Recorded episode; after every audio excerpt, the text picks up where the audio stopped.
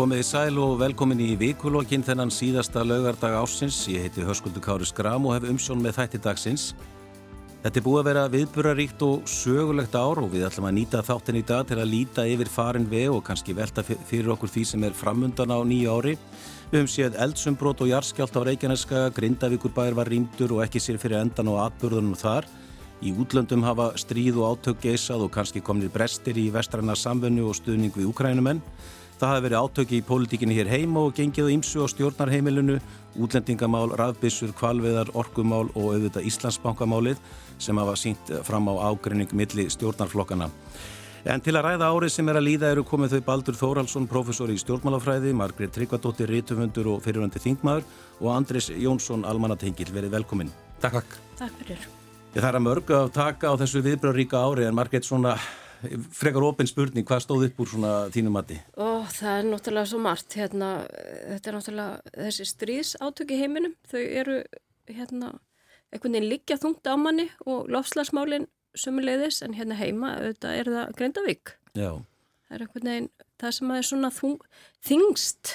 Einmitt það er ekki hverju ári sem að heil, heil bæjarsamfélagi er ringt í Íslandi og ekki gæst í 40 ár. Akkurat. Og, hérna, 50 ár fyrir mér? Já, 50, já og þetta er líka einhvern veginn, ég þekki markaðna og, og bara hérna um, og hef svona tengslaðna þannig að manni finnst þetta svona, ég hætti bara mjög skrítið og erfitt. Þetta er svona viðverandi ástand, Andris, og, og auðvitað náttúrulega eh, er all þjóðin að fylgjast með þessu og all þjóðin hefur samúð með grindvikingu sem hafa þurft að yfirgefa bæjarsamfélagið. Ja, hvernig finnst þið svona þetta hafa tekið svona skipilagslega séð eh, bara að horfum á það hvernig ríkistjóðin hefur verið að taka á þessum máli varandi þann vanda sem hefur komið upp og svo náttúrulega bara almennt eh, það sem hefur þurft að, allar þessar aðgerð sem hefur þurft að grípa til, það hefur verið að reysa varnagarða núna og ég held að svo vinna sé að klárast og þá að fara að reysa aðra varnagarða hvernig hefur þetta svona tekist til að þínu mati?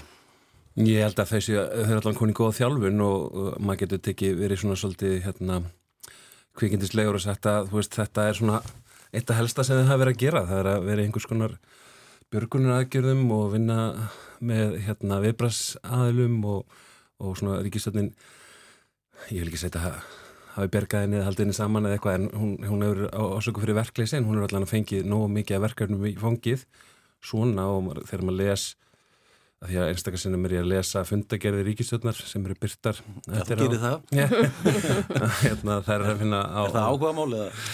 Já, veist, það er einhver áhuga mál sem er leiða, við þáka einn sko, en jú, kannski ekki margir sem, að, sem þetta gera en þá sér maður sko að það er allir ráþæra sem koma inn með eitthvað mál tengt þegar eitthvað svona viðbyrjur í gangi, eitthvað svona er COVID eða, núna eldgós og eldsömbrót á Reykjanes eða þá, þá er veist, það er ótrúlustur ráþæra, það er engin ráþæra ríkistundin sem er ekki með einhvers konar ráðundi sitt allt í því að breyðast við. Þetta snertir mörg samfélagsins. Þetta hefur náttúrulega verið bara viðvarandi verkefni þessara ríkistjóðnar eiginlega frá 2020, frá því að COVID-faraldurinn hóst, það er einhvern veginn að vera að taka á einhverju almannavarnar ástandi og, og, og raunverulega sko ég vilja kalla þessa ríkistjóðn almannavarnar ríkistjóðnina frekar en eitthvað annað en uh, uh, sko he, hefur þetta haft áhrif kannski bara á hvað, hvernig ríkistöndin hefur starfað og kannski dreyið úr þessum stóru pólitísku málum eða hvað? Já, ég held að það hefur sett ákveðin málum og frest kannski gefið ákveði skjól, þú veist að þetta fer þetta bara fremst í forngáðsöðun og við ætlastu þetta til þess og ekki að, ég er ekki að gaggrina þau fyrir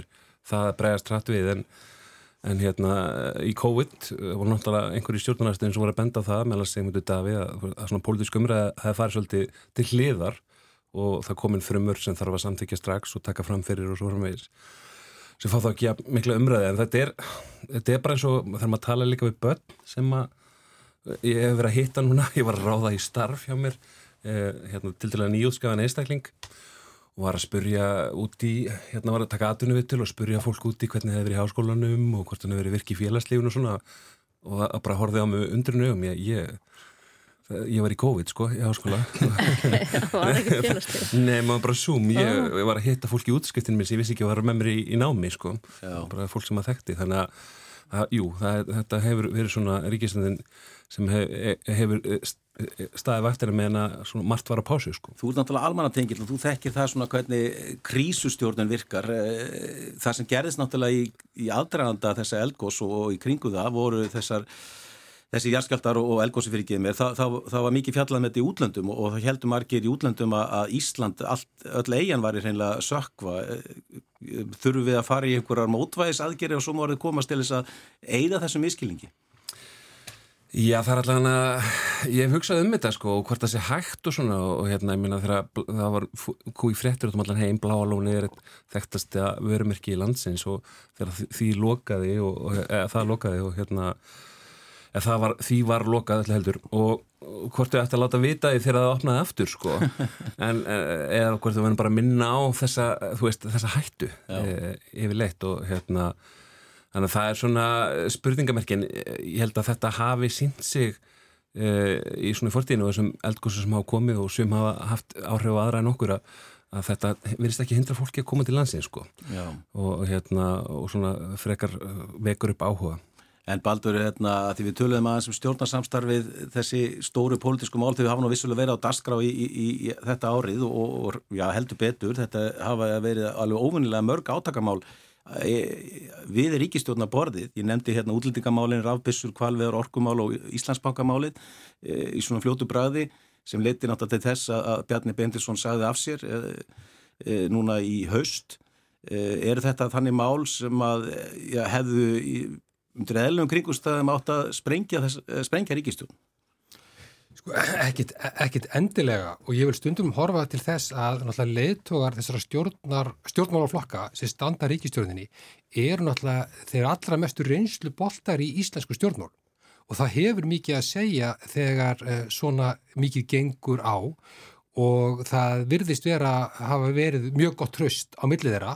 Þó eitthvað hafi nú fjarað undir því eins, eins mér fannst helst það með gefa það til kynna voru skeitasendingar millir fósættisráðunisins og auðryggisráðunisins eftir atkvæðagreislur á saminuðu þjóðunum.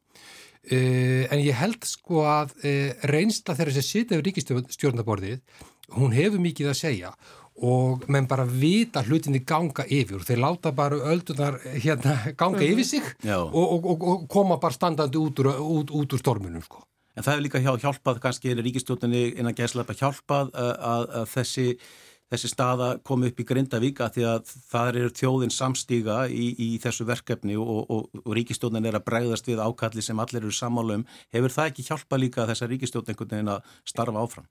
Ég held að það sé ekki spurning og sérstaklega við COVID eins og þú voru að ræða, ræða áðan, það er þá forgásverkefni.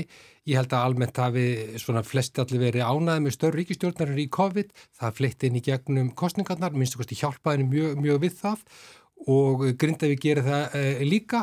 E, það e, tekur kastljósið frá því að ríkistjóðunum virðist eiga mjög erfitt með að koma sér saman um þessi málinn sem þú varst að nefna eins og til dæmis orkumálinn og, og, og fleira það, það hjálpar henni augljóslega. Þetta snertir náttúrulega orkumálinn og, og þessar aðbessu, það snertir náttúrulega líka kjarna þessara flokka, allavega sjálfstæðisflokk og vinstir græn. Vinstir græn eru náttúrulega ekki fylgjandi því að fara í mikla orku uppbyggingu og svo framvegs þau vilja frekar forgangsráða með öðrum hætti þá orku sem við erum að vinna í dag. Jú, akkurat, og svo náttúrulega kvalveðmálið sem kom líka akkurat. upp sem að hérna það nötra nú ansi mikið þá. Og mér fannst nú Svandi sín alveg ótrúlegt tögrekki í því máli og hérna standa keik. En það var örglega ekkert öðvöld Svo að fara einhver þingvallaferð sem allir held að hefur verið farin til þess að einhvern veginn að svona að ná aftur eh, saman þessum samt, eh, svona samtakamætti mm -hmm. en, en svo kom einhvern veginn ekkit út úr því að heita má. Það held bara áfram þessi ágreiningur. Nei, já og líka sko við erum búin að sjá það uh, kannski sérstaklega núna eftir sömarið að þessi ágreiningur hann er miklu meira upp á yfirborðun en hann var. Og hérna já og maður svona einhvern veginn býst alltaf við því að nú hljóti þetta nú að fara að verða búið en það er það ekki, þetta er bara mjög segt Þú hefur verið í pólitíkinni og það er alltaf sagt að, að því að nú hefur ríkistöndin verið að tapa tölverði fylgi í skoðanakönnum alltaf þegar maður berið þetta undir stjórnmálamenn þá segja alltaf að þetta er bara skoðanakönnum við býðum og sjáum Já. eftir því hvað kemur upp úr kjörkossunum.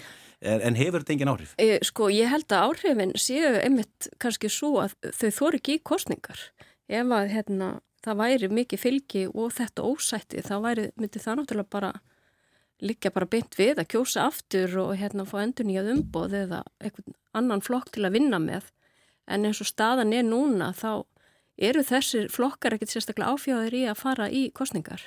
Og það sem við aðtryggisverðast er sko ólgan sem er innan þingflokks sjálfstæðarflokksins. Við höfum ekki séð það oft, oft áður. Við, við þekkjum ólgun oftin innan vinstri grætna en það skulle vera sjálfstæðismenn sem jafnvel fara úr ábyrðaðanbættum innan þingflokksins, innan þingsins til þess að geta haldið áfram gaggrinni á ríkistjórnina, þó þið stýðið henni áfram. Það er aðtiklisvert og, og það er, mér fannst nú sko hvernig sumi þingmann sjálfstæðarflokksins gengur hart fram í því máli, mér fannst jafnvel það bera vottu það þegar verið að mynda sér svona vikstöð, jafnvel í öðrum málaflokkum eins og til dæmis í orkumálunum. Já og líka innan sinns flokks. Já. Já. Það er, hérna, það er átökum, það er átökum stefnun innan flokksins. Það er alveg mjög ábyrgandi. Og það er líka tvent í þessu sem að, sem að kannski snertir framtíðan og komandi ár. Það er annars vegar það að, að Bjarni Beinsson hafi látið að ennbætti fjármálar á þeirra og ákveða að, fara yfir í utaríkisaðanetti. Það er oft svona síðasti formaður sjálfstæðsflokks til að gera það var einmitt líka á útleið maður rétt, eh, var það ekki Daví Ótsson ef maður rétt eh, Jú, það er þessi utanriksrandi aðvarenda samningu sem gerur upp á já, já, já, já. Mm. Uh, Svo kemur þessi skipa núna í, í desember þar sem hann er að skipa fyrirhandi aðstofamann sinn og, og, og, og góðan vinn hérna í, í sendeirastöði í Washington sem er nú kannski svona toppstaðan innan utaríkisraðanetisins Marki vilja tólka þetta sem svo að Bjarni sé reynlega útleið og hann sé svona bara að svona klára þessi verk, klára sitt og, og, og svo mun hann vantarlega þá bara hætta sem formaður jafnvel á næsta ári. Hvernig metið þið þennan þetta, þessa, þessa, þessa þennan leik sem við höfum séð ekki leik vil ég kalla heldur þetta Já, sem hefur gæst. Það má reyndar alveg kalla þetta leik ég held að það sé kannski einn réftasta lýsingin. Ég var náttúrulega ekki sjálfur eh, á síningunni en ég frétti af hérna frá fólki sem fór á hérna, uppistandsíningu á Sól og Holm í Bæabögu í Hafnafjörði og hérna það var einna mest hleið þegar Sóli segist alltaf axla ábyrð og hafði þá sætaskipti við kollega sinna sviðinu bara svona, skiptu stól.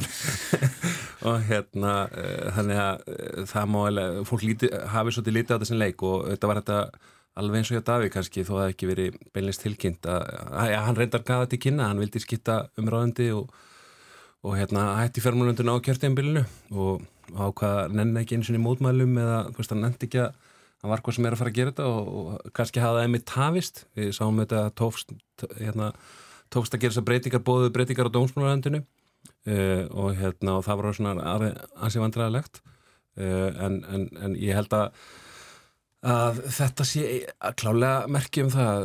Bæ, bæ, hérna, þessi skipti bjarna úr fjármáröndunni í Uttaríksöndu og þessi sendarskipnum sé merkjum það að hann sé á útleið Um, og það sem að lengi hefur verið rætt sé bara rétt að hann vilji gefa hérna, Þórtísi Kolbrunnu tækifæri til að sanna sig sem formaður, jábel fyrir landsund þannig að hún taki við sem varaformaður. Þú ert á því að hún, hún verði næsti formaður að því að, að því að það sem Baldur var að segja hvernig menn hafa verið að já, setja sér stellinga varan þessi átokamál, það getur betið þess að menn séu einmitt að setja sér í máta sér við ákveðna stöður og undirbúa sér fyrir einhvers konar mögulegt möguleg formanskipti í floknum? Já, ég held bara að tveir sterkustu hérna, kandidatar í sjálfstæðarflum að mínumatti eru eh, Þortís Kolbrún og Áslið Arna og Þortís Kolbrún sé bara líkleri til þess að taka þetta núna af því að sjálfstæðismenn eru kannski bara þóri ekki að velja eitthvað eins og Áslið Arnu eh, strax sko hérna, og að því að Þortís Kolbrún er svona kannski svona urökara val Áslið kannski er umdeldari það sést bara í mælingum þó hún sé kannski svona að mörguleiti meiri svona pólitísku refur uh, að sjá? Ég hef oft setið hérna við borðið, margóft og, og verið beðin um að spá um endalokk Bjarnar Benediktssonar í stjórnmál ég hef eins og aldrei fengist til þess. Vegna þess að hann er miklu meiri refur, hann er miklu klókari heldur margur vil uh, vera halda ég syns að tek undir greiningu aldrei sér samt á þessari stöðu eins og hún, hún, er, hún, hún er núna. En til dæmis ef það kemur upp óvænta kostningar þá er Bjarni formaði sjálfstæðarflokksins gæti eflaust uh, leitt flokkið í þeirri, ríki, þeirri, ja, í, í þeirri kostningabaróttu skiluru.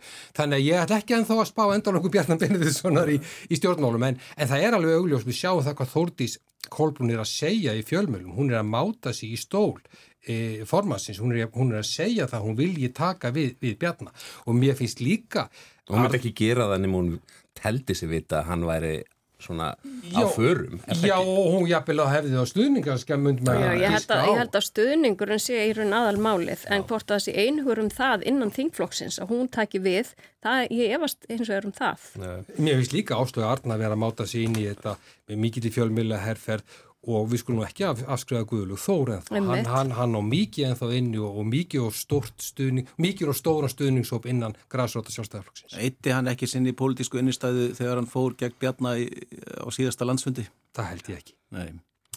Það hefur náttúrulega verið eitthvað svona uh, því ég verið spáða ef þið færið þrjú þá myndu þær taka fylgi frá hver annari og, og Guðlugur þá eiga möguleika með sitt fasta fylgi sem hann hefur unni fyrir með, þú veist, mikilli vinnu í græsrútinni og hérna, mörgum símtölum í, í almenna flokksmenni gegnum eh, ára ræðir en ég held eins að það, ég, mér finnst mjög ólíklegt að spilst þannig út það, hérna, þannig að ég held að hann verði ekki eftir, uh, hann verði ekki í formaði sjóstarflokksins. En svo náttúrulega myndist þú aðeins Margreta á kvalviðmáli sem var nú aðeins mm -hmm. stórt hérna fréttamáli í, í sumar þegar ráð þeirra, Svandi Svagastóttir matvalur ráð þeirra frestaði kvalveðum uh, út sumarið og, fram til 31. ágúst og þannig að það eila skarðaði í tvent og, og það er bara óvissum það hvort að kvalveðir verði leiðar á nýju ári þá eftir að gefa út heimildina, hún þarf að gera það um svandís Hún, hún rennur út núna um áramóti Já, og þarf að gefa hann út að, að nýju þannig að það, það er það hennar að ákverða það og það er svona, geti orðið mm -hmm. annar átakapunkti núna á nýju ári hvort að hvort að hún lætur undan þá vantarlega þrýstingi að því ég svona miða við það hvernig hún hefur talað í ár þá er hún ekkit sérstaklega lind kvalviðum og hefur talað um það sem svona atvinnu við fortíðarinnar ef svona verður komast. Já, ég er bara vona að hún gefi ekki út lefi. Þetta hún sýti á þessu, þessu, þessu spjaldi svona sem einhverju trópp. Það ætla ég bara rétt að vona og, hérna, að hún geri því að þetta er náttúrulega bara, ég er algjörlega samálan um það og, og hérna, það er svona ímislegt sem bendi til þess að kvalar bara gegnum miklu stærra hlutverki í þessum lofslagsmálum uh, og fengum kólefnis og, og framleiðsluðurinn á, á súrefni en við höfum átt á okkur á.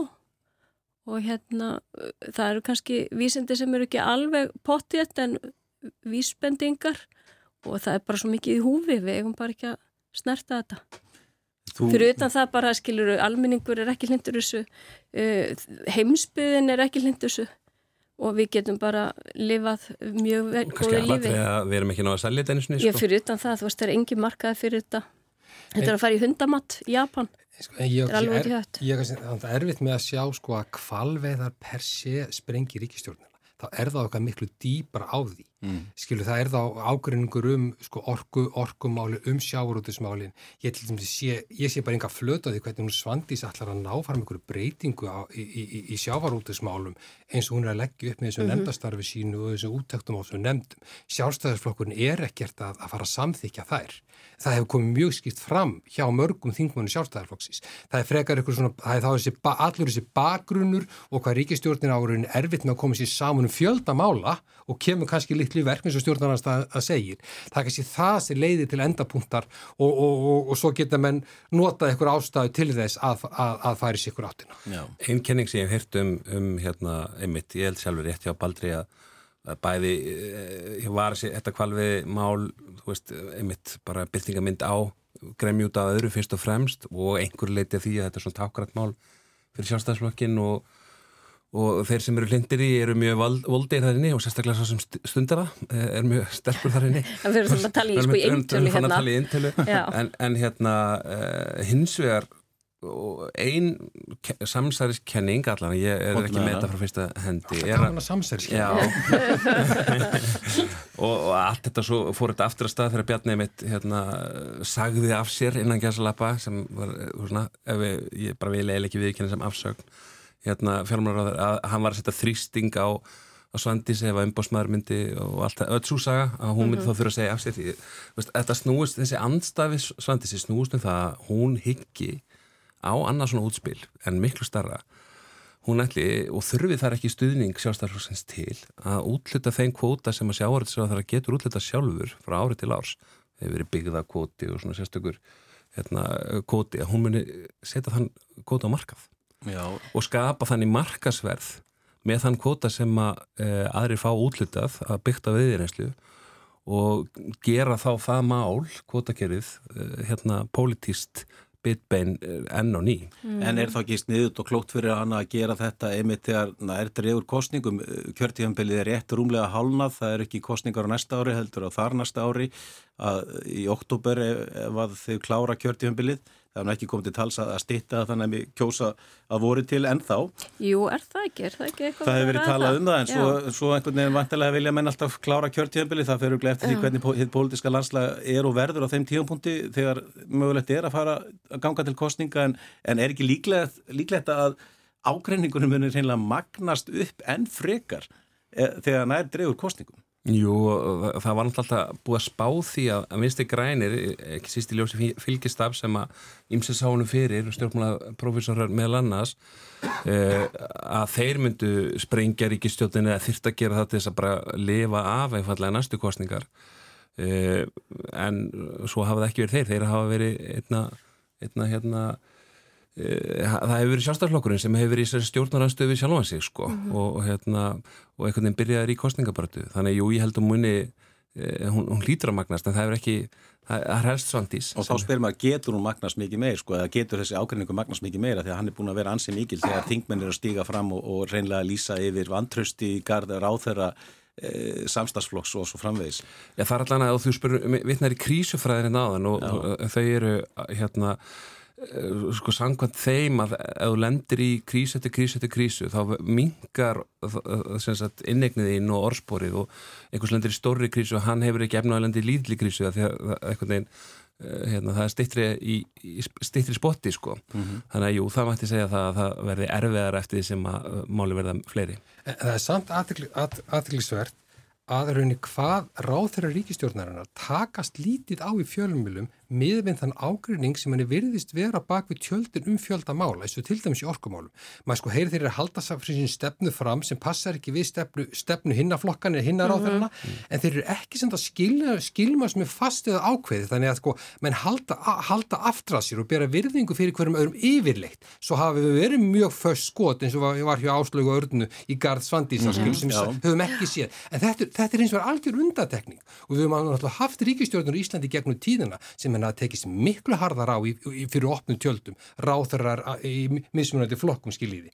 Þannig að það er svona, eh, þó þessi ágrinningu, já, þá halda menn ennþá að sér höndum og eru að reyna að halda þessu gangandi, en svo náttúrulega spurningi svo Andris kemur, kemur fram með, svo hvort að menn vilja koma hens vegar með ákveðin útspil til þess einfallega að sprengja, mm. þegar það er dregur til þess að bara bjarga, bjarga kostingunum hjá sínu flokki. En förum aðeins til útlanda, það sem stendur upp úr er auðvitað stríði í Úkrænu og, og átökin á Gaza sem hófust í oktober. Í, í byrjun ás voru Vestranríki að senda mikla fjármennu og hergögg til Úkrænu manna, þá voru bundan mikla voni við að Úkrænu menn myndu ná að sækja fram í sumar og ná aftur landsvæðum sem rússar hafa herrtekið en það gekk ekki eftir.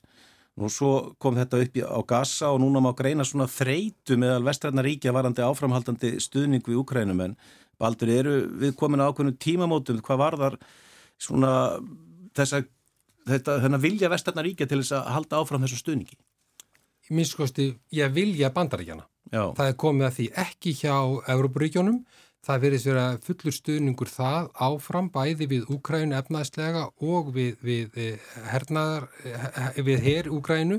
En í bandaríkjónum hefur þingirauninni bara sagt stopp í minnstakosti bíli. Hver frambjóðandi republikanarflokksins að fætur öðru segist vilja draga verulega úr eða bara algjörlega takmarka öllu leiti fjárstunum til Úkrænu. Þetta setur e, Úkrænu menn í mikill óvissu og, og er bara ástandmála þar. E, þetta gæti meðan að vera ástæðin fyrir því hvers vegna rússar eru raunin að hefja verinu sóknað nýju, hafa aldrei verið með fleiri árósir á í Úkrænu eins viðtakar árósir frá því bara fyrstu dögum stríðsins. Þeir skinja það og mér skilst það að Úkrænum verðum vandi þeim vanti vott, þeir vanti skotfæri, þeir vanti beti eh, loftvarnakerfi þannig að þeir eru í, í, erfiðri stöðu heldur en heldur að þeir yrða þessu tíanpunkti bara fyrir nokkru mánuðum. Já, svo maður að lesa að vopna byrðir Evrópulanda séu bara að verða tómar, þar að það er ekkit eftir í vöruhúsunum að það er búið að senda allt annað til Úkrænum. Já, það er, það er, það er er, er, erfi staða og og kannski sem eitt af sem alvarlegast er ef það vantar, vantar flögar til að verjast loft, eh, fyrir loftárósir til að verjast loftárósum þannig að ég held að menn þurfi að taka þessi öryggis og varnamál sko enn fastari tökum. Og mér finnst alveg ótrúlega lítir unni fjallað um öryggis og varnamál hér á landi. Núni áramóta greinum leiðtó uh, stjórnmálaflokkana þá er bara ekkert fjallað um öryggis og varnamál ég er unni bara algjörlega bitið við því mann, og mann fjallað ekki eins um, um það út frá Íslandi og þeim e, sko, e, sko herfaðingunni sem er á sér stað í Sýbiríu og í, í rauninni á norðurskauti að hendur, hendur rússa og við erum ekki að tala um það raunin hernaðu uppbygging sem er bæði hér á land og í hafinu kringum okkur, menn bara ræði þetta ekki, stinga bara, mér finnst menn algjörlega stinga höfðinu í sandin. Og svo eru fórsættakostningar í bandaríkjunum í, í, í november þar sem að Trump verður vantarlega í, í frambóði gegn Biden. E, það eru bara 50% líkur á því að Trump nái að vinna og, og, og verði fórsætti á nýje. Er það ekki líka áhugjefni fyrir kannski fólk sem er, hefur styrkja vestræna saminu frekar en eitthvað annað? Já, það er bara verulega áhugjefni, ekki, sko, ekki bara fyrir það, heldur líka bara fyrir líðræði í, í bandaríkjunum. Sko við, við verum bara held ég að trúa því sem Trump er að segja. Hann segir, frá, marg oft tækið það fram, að frá fyrsta degi mun hann hefja bara ofsaknur hendu pólitísku anstæðingu sín og þeir sem hafa gaggrindan, þá er hann að tala um bladamenn og fræðimenn og ritthöfunda og, og, og fleiri aðra og hann mun nota ennbætismannakerfi og dómskerfi til þess.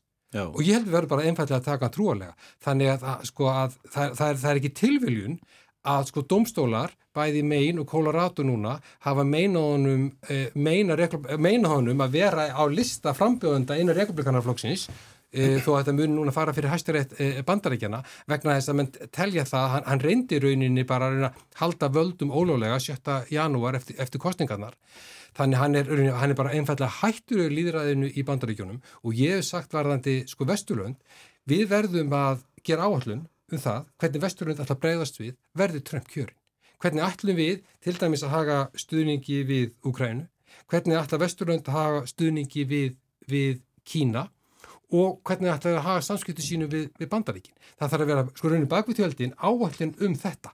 Við getum bara ekki látið þetta að koma okkur óvart. Mönn þetta hafa þá verulega áhrif á auðaríkistefnu Íslands eða þarf þetta hafa áhrif á auðaríkistefnu Íslands eh, og samskiptu okkar við bandaríkin sem hafa náttúrulega verið mjög náinn alveg frá stríslokkum?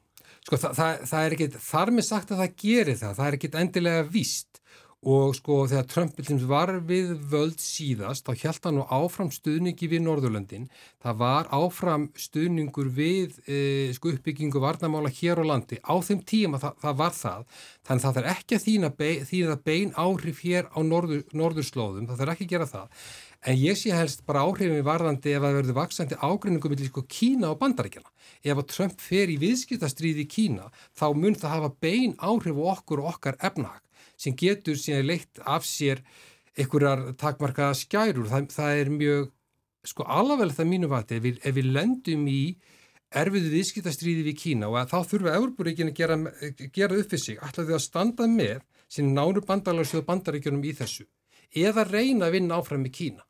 Því ef við, ef við förum í lið algjörð lið gegn Kína, líka efnaðslega og í viðskiptarlega, þá er óttast ég að Kína fari að, að binda trúsitt enn meira við Rúsland og önnur jafnvel ógeð, ógeðfeldar í ríki e, og þá verður við meiri svona tvískautin í samfélaginu, í, í heiminu sem ég óttast. Anders, fylgist þú með pólitíkin í, í bandaríkinum? Ó já, hérna, ég síðustu tíu ár hef ég hildið horta á meira kapalefni fyrst svona kapalsjónars spjallþætti og svo kemur hann á óvartinn en þeim búin að horfa alveg endalast hvað rauninni situr lítið eftir sko, þetta er svo mikið svona þetta er svona, þetta er óholt efni eiginlega að horfa of mikið á og, en ég fylgist höfðist með alls konar hlaðvörpum um bandaristjórnmól og, og hérna Búlvark og Pod Save America og hérna eh, einhverjum republikunum sem eru svona ekki á trömplínunni eh, sem eru með hlaðverp og viðtöl. Um, og mér finnst eiginlega það sem finnst ágefni ég get ekki undir margt að það sem Baldur sagði en ágefni bara að þetta sé hægt að það komi í rauninni einhver sem er allara mati eða þú veist, flest meir hluti er örgulega saman um það að Trump er vittlýsingur sko, þannig er bara þannig er bara vond eintaka manni hérna, hann, hann hefur mjög fáa góða kosti, hann hefur ákveðna hæfileika sem svona uh, skemmtikraftur og, og svona fígúra fjölmila, hann, hann er fjölmila vanur og hann kemur einhvern veginn inn og, og, og hérna hefur bara áhuga artikli og fá hérna, völd og auð og áhrif og bara til að fæða sitt eko og einhvern veginn kemst hann í aðsta embati bandarska stjórnmála og það er og gera alls konar óskunda og einmitt þetta, eða hvetja til uppreysnar í lók hérna valdatíða sinna til að reyna að halda áfram og það er ekki hægt að stöðvan það er eitthvað þegar hann kemst og hann, og hann sé einmitt eigi líklega helmings ef ekki meiri möguleika á því að verða afturfórsiti það er eitthvað svo er eitthvað svo galið. Þetta reyndar er nú demokrater að segja uh, að því að þú nefnir þetta með Colorado og Maine þar sem hann með verið bannað að vera að lista og þá eftir að áfriða því allavega til hæstaréttar er að í stjórnarska bandarækjana þá er ekki talað um að, það sem að Rebulkana segja, heyrðu, hann hefur ekki verið sakveldur fyrir uppreist, hann var ekki, var, var ekki hérna hann í þinginu. Uh, hérna, þess vegna er ekki hægt að nota þessa greini stjórnarskan sem bannar þeim sem hafa hvað til uppreistnar gegn ríkinu uh, hérna, að, að vera í frambóði en uh, það segir ekki, þessi orð eru ekki í stjórnarskani sakveldur, eitthvað segurum það er bara hefur hvað til uppröstna þannig að það er bara, þú veist, þetta mat og það er nú ansið mikið almennt viti að hann sigaði þessum hópi á þingúsið þeirra, það sem að Eh, laurugum létust við að verja það og, og, og hérna, fólk átti hérna, hérna, fótum fjóra launa. Ég held að þetta ákvæði, mann rétt, eh, ég las það einhver staðar að þetta ákvæði sem vísaður í varandi það að hann, hann hafi hvað til uppreysnar hafi verið sett inn eftir borgarastriðið í bandaríkjónum til að koma í vef fyrir það að fyrirverandi söðuríkjaman getur komist til að valda í, í bandaríkjónum eftir að Eh, landið var saminað á ný.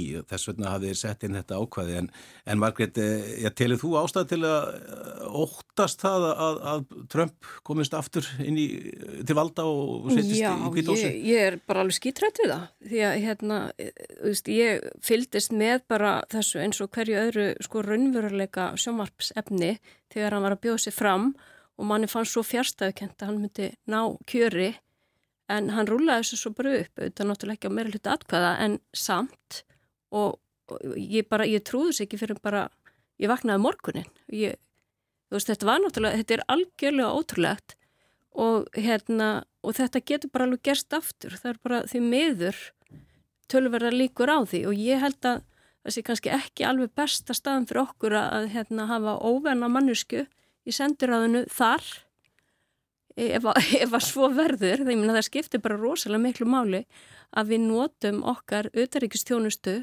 sem er skipuð gríðala hæfu og reyndu fólki og við höfum okkar besta fólk þar en ekki eitthvað nýgraðing. Já, sko það annað sem kannski gerist á árinu það var, eh, það verði mikla breytingar á fjölmjölamarkaði, það var, eh, við sáum að, að fréttablaði var gjaldfróta, eh, sjónastöðinni N4 á Akureyri var lokað og, og og hefur svona ímislegt verið í gangi ekki kannski eitthvað gott heldur eiginlega meira frekar það að, að það sé verið svona að, dregur úr uh, svona umsvifum á fjölmjölamarkaði er það ekki ágefni Andris ef við sjáum fram á að það verði bara einhverju fáir fjölmjölar hér eftir sem geta starfa sjálfstætt?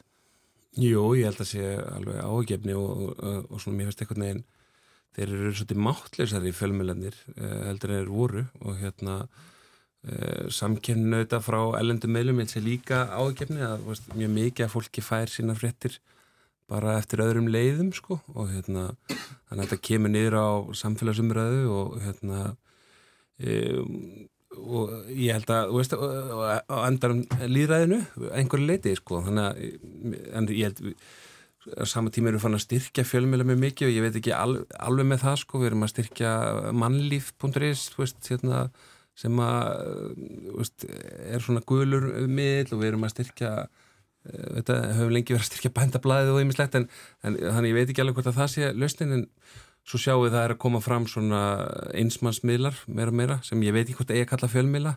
Er þetta tala um þá hlaðvörp eða svona... Nei, svo, já, já. Mæli, það, það er erfitt að hafa eitthvað svona eina skilgrunning um þetta, þessu drift eftir ólíkum leiðum. Snorri Másson, efnilegur ungu fjölmiðlamæður sem að ég hef nú haldið að hann byrjaði MBL og og var síðan fengin yfir til stöða 2 og var þar komin með eh, hérna, þátt eh, vikulegan eh, og eftir fréttonum og, vakti mikla lukka. Hann velu frekar að vera með sin eigin þátt á YouTube og dreif honum á öðrum samfélagsmiðlum heldur en það sem ég hefði haldið hann eða bara svona stjarnar myndi vera fengin hingað yfir í eftirleiti og er því svona næsti Sigmar Gumundsson eða, eða, eða eitthvað slíkt hérna hérna, það unga fólki velji frekar þá að vera á, já, í hlaðvörpunum heldur en kannski í, að starfa innan þessara hefðbundum fjölmila þá Já, en, en hversu mikið við getum neyslu stýrt þessu eða stýrt þessu eða ákveði sko, þú veist hérna hlutir eru þetta bara alltaf að breytast en, en hérna ef ágjur af því að svo sjáum við að veist, það er eitthvað sem voru að kaupa nútíman til þess að fá dreifingu og eitthvað efni sem, sem að hérna, þeir eru með, þú veist, DFF eru ekki punkturis er að hluta til til að dreifa einhvers konar, veist, hérna, semipolítiskum fréttum eh, hérna, eigandans.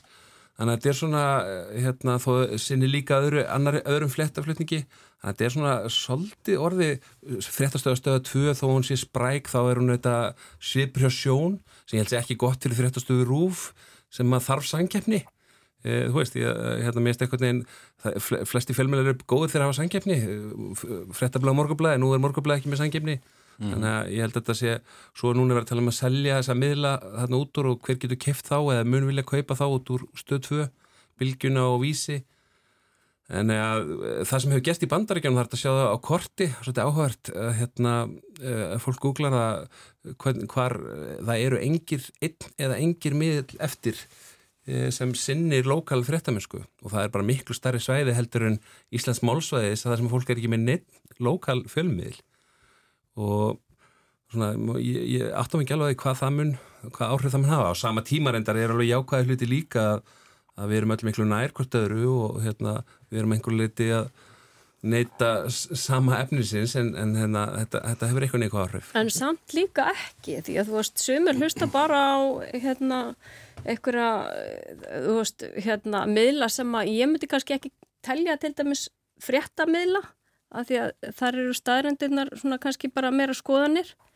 Uh, og fólk gerur ekki greina með ná hvað, hvaða vinna er á bakvið, hvaðan hérna, heimildirnar eru og mér finnst þetta sko, eða því sem ég, þetta, þetta veldur miklu meiri skautun. Og, og Já, það, ég meina það er bara fullt af fólki sem, bara, sem að lítur á fréttin.is sem bara eitthvað fullgildan fjölmiðil og, hérna, og allar þar samsæriskenningar sem þar eru. En ég, ég samfélag þar eftir sjá eftir, eftir þessu fjölmiðlum sem lögðu upp löpana en mér samt í ákvað teikt til dæmis eins og með heimildinni sem er, eh, kemur reglulega út með mjög til, góðar greiningar og greinar um alþjóðamál og íminnslegt fleira.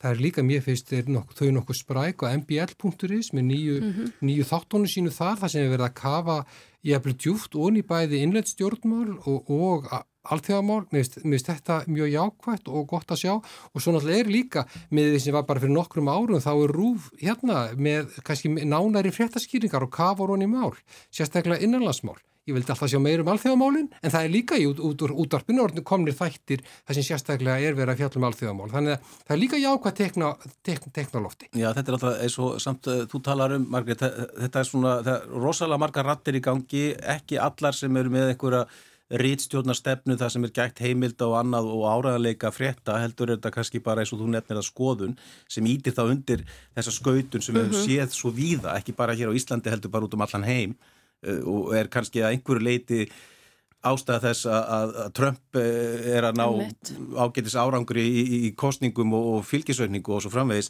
E, e, fyrir þig sem hérna, fjölmel sem hérna, stjórnmálafræðingum þá hlýtur þetta að hafa fundi fyrir breytingunum á, á þessar um, hvernig umræðan hefur verið að breytast vil ég sagt það? Já, algjörlega. Og það er frekar einhvern veginn þannig sko það, það setur ykkur fram ykkur status á Twitter eða, eða Facebook og það er bara orðið byrt og mér er segil í virtum miðlum skilur, bara eins og það sé staðrind bara einsmanns sko. frásögn af einhverju atbyrði er bara orðinu svo frétt og, og, og þá þessum stundum að henni virtu fjölmjöla bæði innanlands og erlendis sem ég veit eiga eru með reitt stjórn og eiga verið með góða reitt stýringu þeir ég vil byrta líka til þess að bara vera með já, í, í, í, í þessu, þessu farkani sko, þetta hefur því áhrif. já, og það, það finnst mér ekki mjög gott og þá þurfa þá reitt stjórnarnir á þessu virtari miðlum að halda eins aftur að sér finnst mér og, og kannamálin og, og ringja þá í lauruglun og spurja hver er þín saga þegar ykkur hefur byrt samskipti ja, frásögn af samskiptu sínu við lauruglu til dæmis. En er það, það tilfinning ykkar að ung fólk uh, sé að lesa þessa hefðbundnu fjölmila? Er það ekki bara meira á TikTok eða Instagram og, og fær sína fréttir af Facebook og svo framvegis? Ég held að það sé bara allur Jú. gangur af því sko. Ég á tvo sinni og þeir eru akkurat á sikvarum endanum í þessu sko. Hérna, annar hérna algjör frétta fíkil og hérna og fylgis grænt með öllu en hinn svona skýma svona meira yfir stóra sviði sko. Þetta, þetta er grundvallar breyting og ég finna bara upp í háskóla að ég er að kenna þar um alþjóðamál menn er að fylgjast með mismunandi hlutum.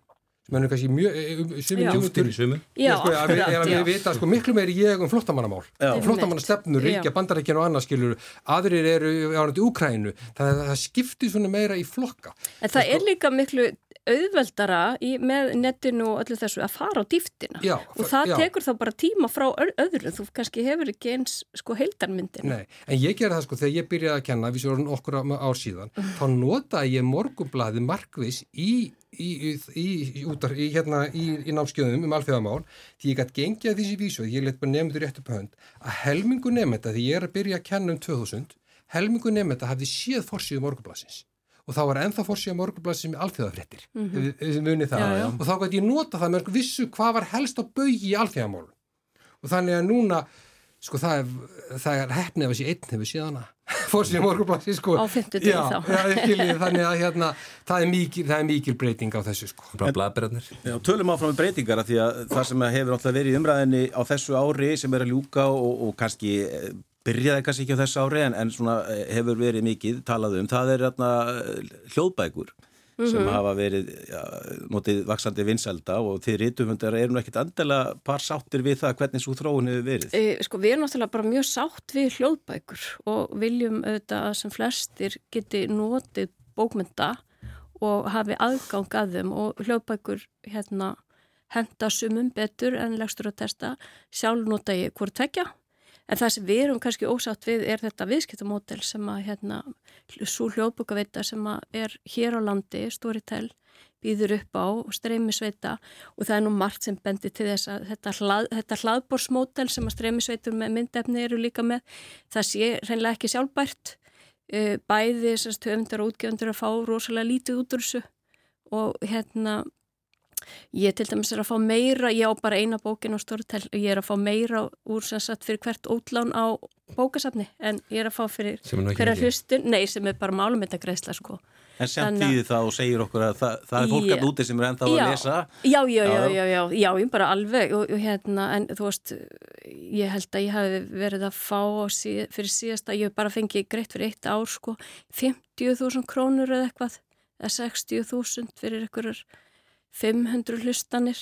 Og veist, þetta náttúrulega telur ekki í heimilsbókaldinu þetta er bara grín sko og hérna og það sjá það allir að hvorki sko uh, og ég, þú veist fyrir mig skilur, þetta er ekki ég er ekki að tala fyrir mínum persónlu hagsmunum, ég er að tala fyrir hagsmunum okkar sem bara þess að það sem við erum að sjá er að uh, útgefendunir eru hættir að gefa út þýðingar, þær hafa dreist saman um, um 45% og mjög mikill hluta því voru sem sagt kiljur sem fólk var að kaupa fyrir sinn indislestur og hann er að færast allur yfir í hérna bara streymið.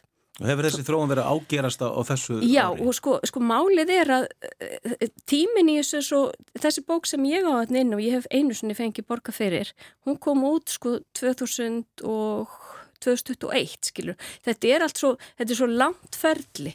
Þannig að útgefendin setja eitthvað þarna inn þeir sjá í raun að vera ekki hvað er að fá út úr sem fyrir kannski árið eftir.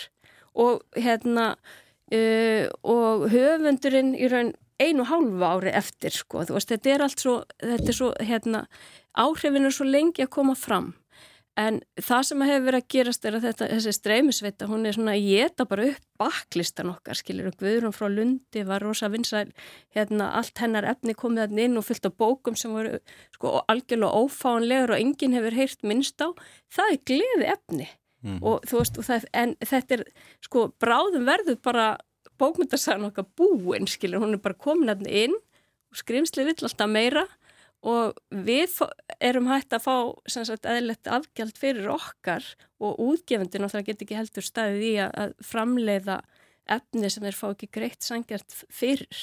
Já, og þetta er bara viðskiptamótil sem að, veist, að, hérna mánagjaldið er minn en einn kilja og þú hefur ótakmarkað eh, þú veist, það er ótakmarkað frambóð og það, þetta bara gengur ekki upp. Þið get ekki gert eins og reytjöndar eins og, eins og hérna, tónlistamenn þeir er í þessu sama vanda en þeir hafa á móti bara farið að halda fleiri tónleika og geta Jú, hérna, sko, haft tekjur af, af tónleikahaldi Rítvöfundar hafa Eða bólum. eh, hérna, við náttúrulega seljum lítið á bólum en rítvöndar hafa tölvert mikinn, eða margir rítvöndar hafa tölvert miklar tekjur af alls konar svona giggum. Ok, það er þannig. Hérna, já, fyrirlesturum, uh, hérna, Upplesturum, já. Upplestrum, já, Já. það er ártíma, ártímabundið, skólaheimsóknum, heimsóknum og bókasöfnum og hérna alls konar svona einhverja klúpa. Það eru mjög margir sem hafa tölverna hlut af tekjum sinnum í þessu en mjög margir rítvöndar eru introvertar og þetta er ekki lífstil sem hendar Öllum. öllum en þetta hendar sumum og þá er það ágætt en það er ekki hægt að, að gera þá kröfa að ljóðskáld sjá fyrir sér með því að tróða upp, það er bara ekki hægt Bræði og gerðir í hílunni í dag, smáralind. Nei, þa þa þetta gengur ekki sko En þau sitja hérna Baldur Þóraldsson, professor í stjórnmálafræði, Margrét Tryggvadóttir, Rittufundur og Andris Jónsson, almanatengill. Ég byrjaði þáttin á að spyrja þig, Margrét, svona hvað þér, þætti að, að, hvað þér fannst hafa staðið upp úr á árinu. Eh, Mér langar að spyrja þig, Andris, hvað er svona, fannst ég vera áhugaverðasta sem gerist á árinu? Við höfum náttúrulega snert á ýmsu en, en, en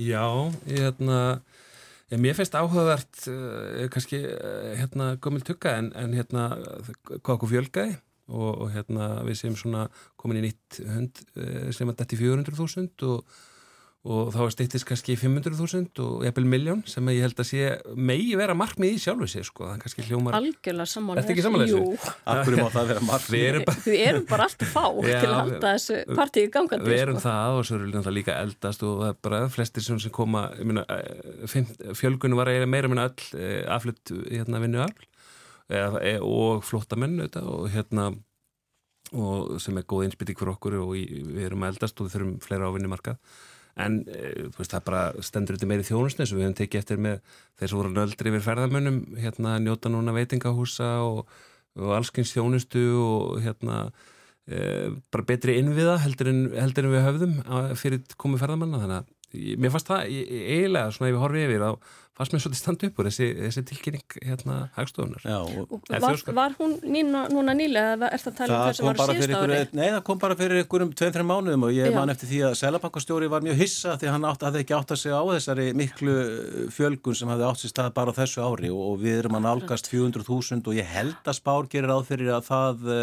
náist fljótlega í byrjun nýs ás. Já, Við stöndum undir þetta bara með, þetta land er, þú veist, þetta er landtækifærana og það, við höfum svo margt hérna og, og, og við, hérna, við stöndum undir miklu meiri fjölda og akkur ættum við ekki að, auðvitað þurfum við að gera það með einhver svona skynsælum hætti þannig að, hérna, Það er pólitík í þessu. Ég- ég- Já, ég get alveg tekið undir þetta jákvæmt en þetta er á sama tíma, þessi hraðafjölgun hefur haft miklu áskorunar í að Til dæmis eins og í skólakerfinu, e, álaga húsnæðismarkaðin Já. og við höfum, ekki, við höfum ekki verið undirbúin undir þetta. Kanski eðlilega því að menn hafi ekki átt að sjá þessu við áttum okkur ekki á þessu og þetta eru mikla áskorunar og ég held að við séum að sjá bara áhrif þessa í Í PISA-rannsóknum til dæmi skiliru að eh, skólakerfi bara er ekki alveg að höndla þessar miklu breytingar. E, íbúa, í- íbúa, já, leigumarkaðurinn, e, þær er ekki að ráða við þetta heldur. En sko, sjáðu, núna var Grind, Grindavík rýmt, það er þrjúðsmanns cirka sem búið þar. Í fyrra fjölga Íslandingum um eitthvað 11.000, eða sem sagt íbúum á Íslandi. Já. Og fæsta því var sem sagt fjölgun um, hérna, fæðingar umfram andlát. Þetta var mest innflutningur á fólki og það var engin að tala um að við þurftum að hérna, vera að flytja inn einungahús, sko. Þú veist, þetta er samt þrísvarsunum meira en allur Grindavík bara á einu ári. Og svo hefur verið að flytja frétt, Já. frétnir af því og fréttir á þessu ári um uh, já, hörmulegar leigu íbúðir og, sem, bara, þetta og fólk, sem er eh, endalust verið að kvikna í og, og mannskaða Já. af því og þú veist, við erum ekki að standa okkur nógu vel í að taka á móti öllum þessum fjölda, bara reynd ekki og það er eins og hérna, enginn hafi bara einhvern veginn hugsað um þetta. En að samanskapi eru þetta eins og Baldur er að benda á, það er, það er náttúrulega, þetta er pólitík í þessu líka, það eru áskoranir hérna sem fela í sér uh, pólitík. Já, sko, láðu grunnum hvernig er að glíma við þetta. Á sama tíma er, byggir viðskipta móti Akkurat. landsins á innflutti vinnafli til þess að geta haldið úti sko, versmiðunum í sjáurúdegi halda í gangi Hótelunum. hótelunum, ferðamanni þjónustunni og or, or, orku, orkugeirunum þá byggir viðskiptamótilið, ég má segja sem svo á innflutti vinnafli en innviðinir eru, við erum ekki að halda í við innviðin og það er ekkert verið að gera, þú veist, það er ekkert plan. Nei og líka sko bara sko, umferðin, til ég keiri nú oft austu fyrir fjall, það er alveg allt og mikið álag með við vegakerfið á umferðinni bara á hellu og kvólsveld sko, og austur í vík. Það þurft að vera sko tvöföldur vegur í, í vík Já. og við ætlum að halda áfram, áframhaldandi, haldandi, að halda áfram að byggjum ferðarþjórnstuna sem við vissulega eigum að gera en þá verðum við að gefa við í innvið uppbygginguna líka. Ja, ég, ég, ég, ég tek, tek þann pólin á þetta, við hefum ekki að stoppa þessa fjölgun. Við höfum að stefna hraðbyrji í miljónu við höfum að ja. byggja meira og breyka vegina, ekki spurning bæta skólagerfið bæta skólagerfið og við höfum alveg efnaði og hérna að fylgta, ég meina við erum hérna að það er að ræðum orkumál og ég meina aðal ástæðan fyrir að orku hérna málin eru núna að komast aftur í, í, í deikluna er það að veist, við erum ekki með auka orku sem vorum alltaf með sem við vorum, þurftum að lappa með hérna út um allan heim og geti, er ekki til að koma einhverja mengandi stórið fyrir okkur þess að þess að getum byggt, búið til nokkuð versmiðstörf þess að minga hans atvinninsina eh, en yfir í það veist, það eru týjir aðela sem vilja kaupa hvert megavatt og hérna borga okkur hátt verð fyrir það. Þannig að veist, það, er, það er þessi breytta staða að við erum auðvitað áfram útnári og svona einsleitt í, í aðunlíf og, og svo framvegis en, en þetta er miklu meira spennandi samfélag á, fyrir fjárfesta, fyrir fólk sem býr hérna, fólk sem flytinga á öllu tægi. En, en sko talað um framtíðana, við, við finnst líka við þurfum að hugsa um hana hvernig við viljum sjá fyrir okkur samfélagið til dæmis að verja miklu meira til, til rannsókn og vísindastarfa sem vísu minn geiri mm -hmm. en eiga síður við erum að verja miklu minna á, á, á mann heldur hinn Norðurlöndin og framtíðinni byggir bæði inn sko, í ríkisháskólanum sem og engafyrirtækjónum á nýsköpun og rannsóknum og, og þar, þar eru hálauna störfin sem ég finnst við ekki vera fókus á. Það er svo auðvelt að, að líta til sko lálauna starfana mm -hmm. skiljiði og, og, og flytti vinnuafli til, til þess að sinna þeim en við verðum að horfa til langstíma litið og auka framlög í þennan geira til þess að byggja upp velunustör til þess að halda öllum hér á landinu sem, og þá Íslandingunum sem hérna á svæðinu. Það er svolítið skjótað eins sko að það er eitt, eitt í ákvæð sem gerast í þessu 2-3 ár síðan að var breytt erklánum þannig að nú farið skattalang kvatað til að flytja til landsins ef þú ert sérfræðingur í, og hérna og það ert Íslandikur sem búin að búa lengur 5 árum elendis held ég sé, fyrir ekki enn 3, 5 ár að þá getur þú fengið henn að skatta afslátt líka sjálfur sem Íslandingur og þú flyttir áttur heim. Og ég veit bara um talsvölda fólki sem hefur verið að flytja heim í tekníkeran sem tekní og livjageran hérna á Íslandi núna sem er að fá þennan skattaðslöld þannig að þetta er, þetta er aðeins að gera já, já, já, En Baldur, svona, ég ætla nú að leifa þér að koma með hérna, það sem þið fannst eh, áhugaverðast á þessu árið, það er ekki mikil tími til stefnu en svona eitthvað sem þú mannst eftir í fljóti bræði Nei, hvað er jákvæðið fréttin? Það má vera jákvæðið, það er alltaf læg svona í lók þáttu Já, sko e, þegar maður fór að skoða maður horfði nú bara fyrst á sér skjálfilegu stríðsátstök og, og flottamannamálin og ástandi í líðræðum og mannréttindu horfum við fyrst á og svo er maður að fara að kafa eins dýbra þá er náttúrulega margt líka jákvægt að gera til dæmis bara eins og talandum vísindu og rannsóknir, þróun sko í lífjageiranum og í laknavísindunum mjög e, jákvæðskref sem stíga á þessum sviðum. Það gengur bara sko vel að ráða þeim til, til dæmis með malaríu svo, svo ég nefn eitthvað, það er ný sko bólefnaversmiðja í, í, í, í Afríku. Þannig að það er margt jákvæð að gerast á þessu sviðum, ég sá líka að það er minni barnadauði börn undir fimm ára heldur nokkuð tíman hefur verið áður, það hefur aldrei haft þess margir e, aðgangar hreinu vatni eins og hefur verið í heiminum Þannig að sko, það eru líka jákvæður hlutir að gerast þó að ástandi sé erfitt og aldrei verið fleiri á flotta. Það eru líka jákvæður hlutir að gerast sem ég heldur líka að, að horfa á. Svo hérna var ég að heyra bara í morgun á BBC að það er sko nú ólipjuleikarnir í París til dæmis Já. og þar á að fara að kepp, eru nýja keppnisýtrótir. Það er til dæmis eins og breakdans, það er orðin íþróð sem að keppa ólipjuleikunum. Eh, það verður að keppa í brim, brimbrettum og, og, og, og klifri og svo verður silt, sko, má synda í signu í fyrsta skipti í hundrað ár en það hefur ekki verið hakt vegna mengunar. En það er búið að reynsa signu þannig að við munum sjá keppitu synda í signu núna ólípjuleikurum í sumar. Þannig að það er nýmislegt líka jákvæmt að gerast Já, heldur betur. Ég sá þegar endur í sundlega, var að heitu potti heima höður hérna, með kúrika hatt á Facebook um daginn. Já, já það þú... getur verið, já, ég var, ég var að verja sólinn í sumar. Sko, En Margreit, hérna, svona í lókin hérna, tvent, hérna, annars vegar eh, já, hvernig ætlað þú að eða áramótonum og ertu vuna að strengja einhvers konar áramóta heitt? Uh, ég er ekki vun að strengja áramönda heit en ég fer alltaf reglulega yfir mín mál sko og hérna set mér markmið en hérna í lifinu en Og hafa það alltaf gengið eftir?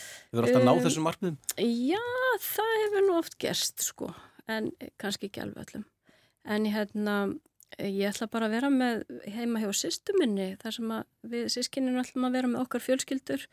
Uh, elsti sonu minn og, og badnabatni mitt verður reyndar ekki því að hann er svo lítill og fyrir svo sem að sofa. En mamma ætlar að vera með okkur og við ætlum bara að hafa hugulegt. Eða þú Andris?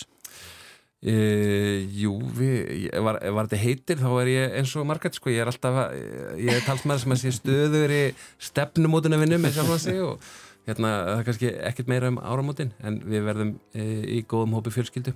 Já, ertu vanur að köpa flugvelda?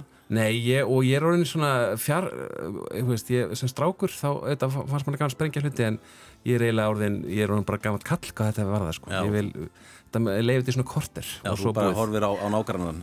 Já, og nexlast smá á hann Já, meina, já. horfið niður á hann Hvað með þig, Baldur?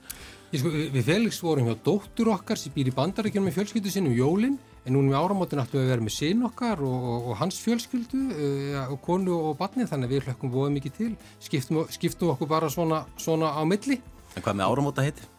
Já, ég ger, eh, stengi nú alltaf ykkur eh, áramóta heit. Mér, mér langaði núna að reyna að fer- ferðast til svona hérna nýrra heimsluta, að fara á nýja staði, mér finnst það alltaf svo spennandi, að fara í svona ólíka menningar heima, það er þetta skemmtilegasta sem ég geri. Svo er ég alltaf að reyna strengja með ykkur heiti í íþróttum og í mataræðun og reyfingu, svona, það gengur svona mismunandi, sko. maður byrjar- Við skulum ekkert að fara yfir það. Maður byrjar í ræktinni eina viku í janúar en kaupir sér mánuðakort. Eh, Baldur, Margrét, Andrés, takk hjá fyrir komuna í vikulókin. Þátturum verður á sínum stað á laugardag eftir viku á nýju ári.